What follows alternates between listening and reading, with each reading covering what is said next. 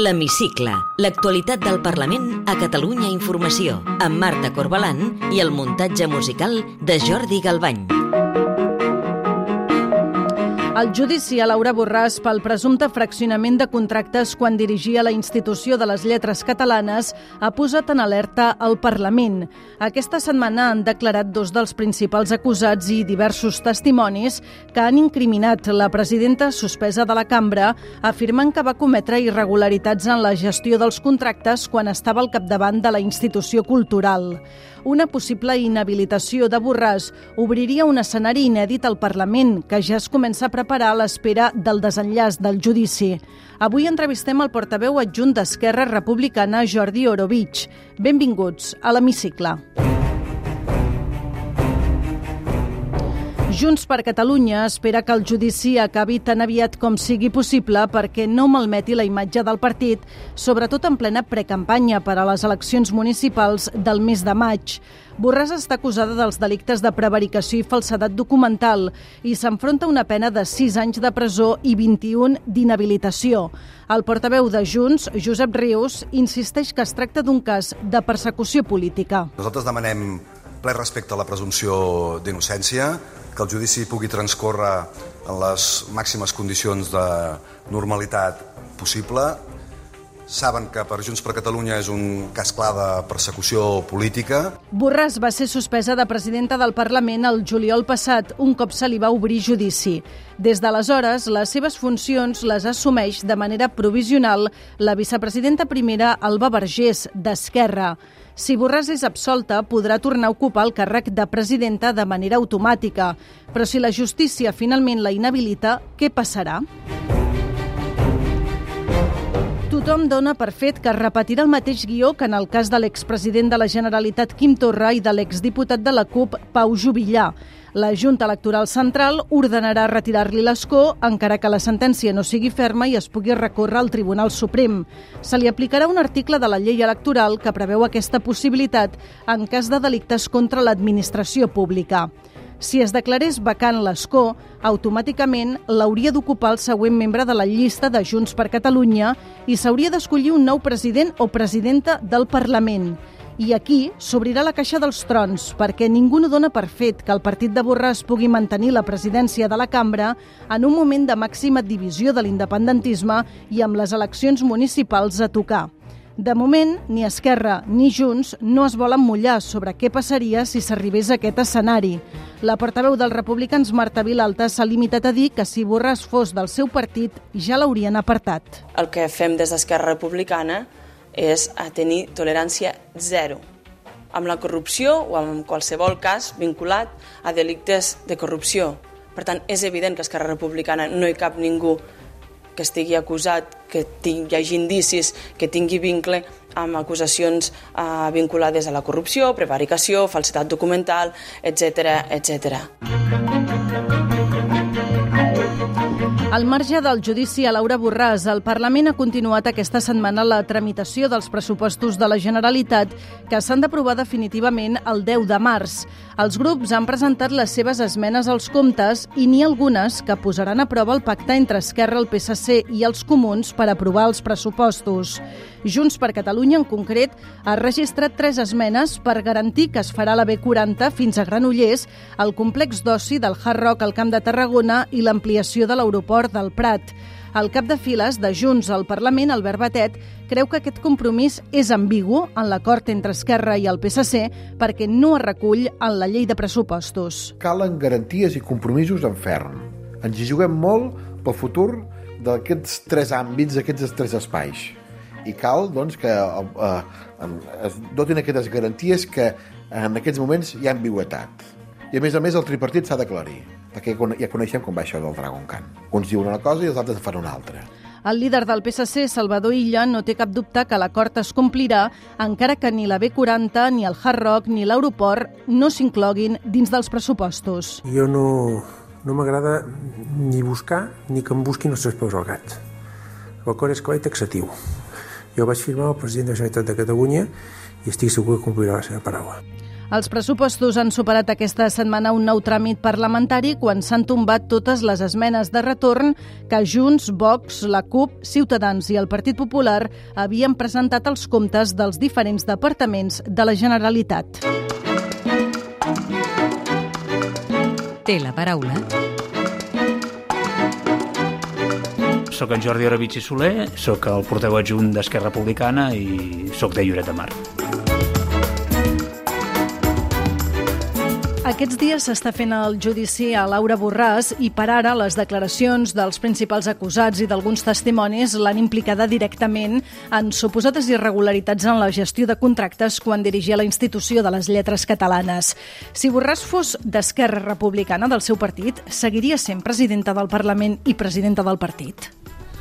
Home, doncs amb tota la fermesa he de dir que no, perquè tots els membres d'Esquerra Republicana tenim un compromís molt ferm no només amb l'organització i amb el país, sinó també amb una sèrie de principis un codi de conducta que fa improbable, no improbable, impossible que ens poguéssim trobar en una situació com aquesta. Nosaltres sempre hem, hem pensat que cal preservar les institucions i el cal més lògic en una situació com aquesta és apartar-se, lògicament defensar-se, perquè tothom té dret a la presumpció d'innocència i també lògicament això assisteix a l'actual president del Parlament, però entenem que hi ha a la vida hi ha certes prioritats que han de passar per davant de l'interès personal i probablement eh, eh, pensar en la col·lectivitat i en l'interès públic faria que el lògic seria apartar-se'n. Si la justícia acaba inhabilitant Laura Borràs i, per tant, perd l'escó, aleshores el Parlament haurà d'escollir un nou president o presidenta de la cambra. El pacte que el seu partit Esquerra tenia amb Junts a inicis d'aquesta legislatura era que la presidència del Parlament era per als seus exsocis. Entenc que un cop han sortit del govern aquest pacte ja està trencat. Bé, jo no dic ni que ho estigui ni que ho deixi d'estar. Jo crec que és evident que si es dona aquesta circumstància n'haurem de parlar entre tots i que amb el nostre interès, lògicament, és preservar al màxim la unitat de l'independentisme. En aquest cas, doncs, haurem d'obrir un procés de diàleg i haurem de trobar la fórmula que faci evident que tots ens hi sentim còmodes i que permeti que el Parlament de Catalunya sigui el que ha de ser, doncs una institució que vella pels drets de tots els ciutadans i que, per tant, també ho fa d'acord amb una majoria social que va decidir les darreres eleccions que l'independentisme havia de ser eh, eh, la ideologia que tingués la preeminença eh, precisament a la cambra legislativa. No? Crec que serem entre tots capaços de trobar aquesta entesa, aquest punt d'acord, i nosaltres sempre hem mostrat la màxima predisposició perquè sigui així. Perquè ens entenguem, preservar la unitat de l'independentisme vol dir que Esquerra estaria disposada a mantenir eh, la presidència del Parlament per a Junts? Bé, jo ara no puc pronunciar en aquests extrems. Lògicament, com bé, com bé heu dit abans, les circumstàncies han canviat i això no té per què necessàriament comportar una alteració d'allò que es va convenir el seu dia però ni jo sóc la persona ara mateix més adequada per respondre aquesta pregunta, ni lògicament tampoc sabem les expectatives o allò que les altres formacions eh, polítiques amb interès amb aquesta qüestió puguin posar sobre la taula i per tant jo crec que és un procés que haurem de fer, que no podem anticipar, que l'haurem de discutir i que estic convençut que tindrem la capacitat de, de resoldre de la millor manera pels interessos del país.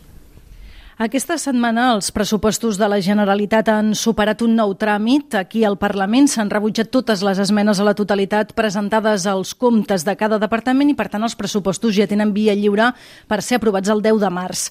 Esquerra se sent còmode amb el suport del PSC amb tot el que això comporta, com el quart cinturó o l'ampliació de l'aeroport del Prat.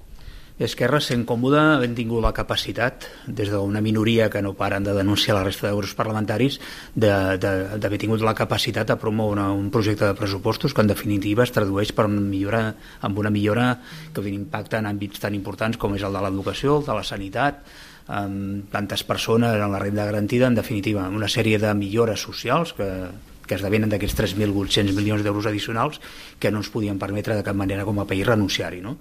A partir d'aquí, eh, nosaltres, evidentment, eh, amb un procés de negociació amb aquesta minoria que abans he explicitat, una minoria que tampoc no hem buscat, no hem buscat eh? perquè lògicament podíem tenir eh, aliats perquè no esdevinguessin aquestes circumstàncies, doncs evidentment hem hagut de fer algunes sessions, unes sessions que no tenen un impacte directe a nivell d'infraestructura, sinó que eh, s'articulen amb un conveni, en aquest cas amb l'Estat, per explorar doncs, la viabilitat d'una infraestructura que també vindrà condicionada, evidentment, per tots els projectes i avaluacions ambientals que s'han de fer. No? Per tant, no estem parlant d'una certesa d'infraestructura, estem parlant de la valoració de si és factible aquesta infraestructura i si la seva execució futura també, també fos viable. També és cert que a dia d'avui ja ens trobem unes majories que fan que aquesta infraestructura tingui un paper rellevant o que, o que sembli que és imprescindible, també en un futur immediat tot pot canviar, tant les majories com les necessitats que puguin,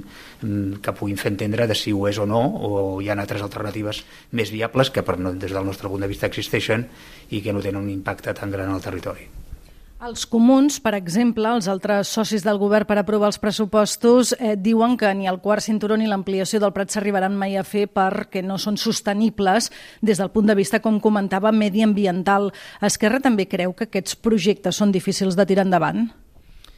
Bé, nosaltres en primer lloc, no, no, els, no els entenem com a propis, perquè si no els haguéssim promogut, no? I, i en segon lloc, home, en, com, en aquest cas tenim una, ho hauríem de dir en aquest terme, una comunitat d'interessos o de visió precisament amb els comuns, perquè precisament nosaltres ni els promovem ni entenem que siguin viables ni sostenibles. Des d'aquest punt de vista eh, hem articulat diferents alternatives, eh, algunes d'altres, com pugui ser l'aeroport, doncs s'han de sotmetre des del nostre parer no? a un criteri tècnic, no es tracta d'aixecar el dit i entendre que el fet d'allargar una pista dona una solució, que probablement ho és, no? però sense preveure els costos que això pot tenir en termes ambientals i per tant, home, primer refiem-nos d'unes conclusions tècniques a les que es puguin arribar, si és que hi ha alternatives de capacitat que entenem que poden, poden ser-hi sense ampliar la pista i en segon lloc, un cop tinguem tota la informació adoptem decisions, no? crec que és, que és el més lògic i coherent i no abraçar-se a la idea de que el mer fet d'allargar una, una pista i ens converteix en un hub internacional. Nosaltres també home, estem interessats en una gestió eh, integral del sistema aeroportuari del nostre país. Entenem que hi ha altres aeroports eh, a Catalunya que poden donar o que poden ajudar precisament no? a oxigenar l'aeroport de Prat i que per tant aquest pugui amb els recursos actuals o amb una millora però d'aquest impacte doncs, eh, doncs, eh, guanyar capacitat i esdevenir aquest hub internacional que tots desitgem i per tant bueno, documentem-nos, tinguem la informació i a partir d'aquí prenguem decisions. Parlem, si li sembla, de la reforma del Codi Penal. Junts per Catalunya i també la CUP aquesta setmana han demanat que el president aragonès comparegui aquí al Parlament per explicar els resultats d'aquesta reforma i els resultats de la taula de diàleg. Li consta si compareixerà el president? El que em consta és que el president va expressar que estava disposat a fer-ho, no? i per tant haurem de trobar el moment i, estic convençut que serà d'aquesta manera, perquè és que d'altra banda no té res de què amagar-se. Eh? En aquest cas, doncs, lògicament, nosaltres hem entès que havíem de donar l'oportunitat a fer una modificació legislativa, tot i que nosaltres enteníem que la solució eh, per la dinàmica de repressió en la que viu immersa l'estat espanyol contra l'independentisme era una amnistia, tant parlem d'amnistia en termes de repressió com autodeterminació per lo que respecta a resoldre el conflicte polític, és evident que ni tenim la capacitat eh, per nombre de diputats per poder imposar aquesta, aquesta solució en el marc de l'estat espanyol, al Congrés dels Diputats, hi ha qui entenia que era viable una altra via i, i s'ha demostrat, en aquest cas, que lamentablement doncs, en aquest cas existeix un lobby a la cúpula judicial espanyola que està focalitzada en la repressió per tots els per tots els mitjans i totes les eines disponibles i que en aquest cas amb una, amb una reforma de la llei ben recent en la que era clar quina era la voluntat del legislador perquè feia aquella, aquella modificació doncs saltant-se criteris eh, jurídics bàsics no? com la interpretació de les lleis en funció de la voluntat del legislador han imposat una altra lectura de la llei que el que fa doncs, precisament és mantenir la repressió. No? Si li sembla bé, ens endinsem ara ja en el terreny més personal i li demano si pot contestar amb respostes al màxim de breu possibles. Digui'm dos adjectius que el defineixin bé a vostè. Mm, treballador i honest.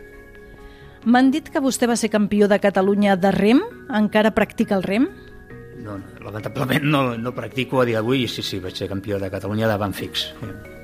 Entenc que ara rem en política bueno, intento sobreviure, de...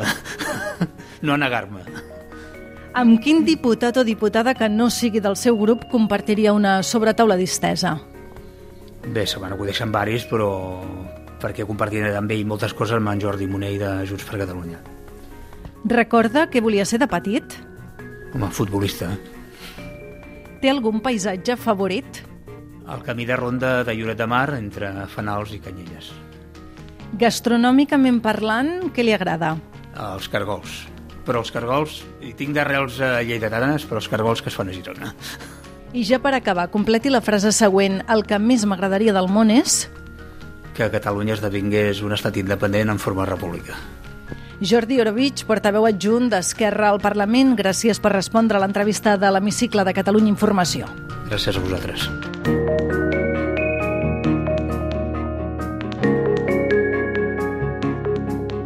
Podeu tornar a escoltar l'Hemicicle al web catradio.cat barra hemicicle o al podcast del programa i seguir l'actualitat del Parlament al perfil de Twitter arroba L-hemicicle.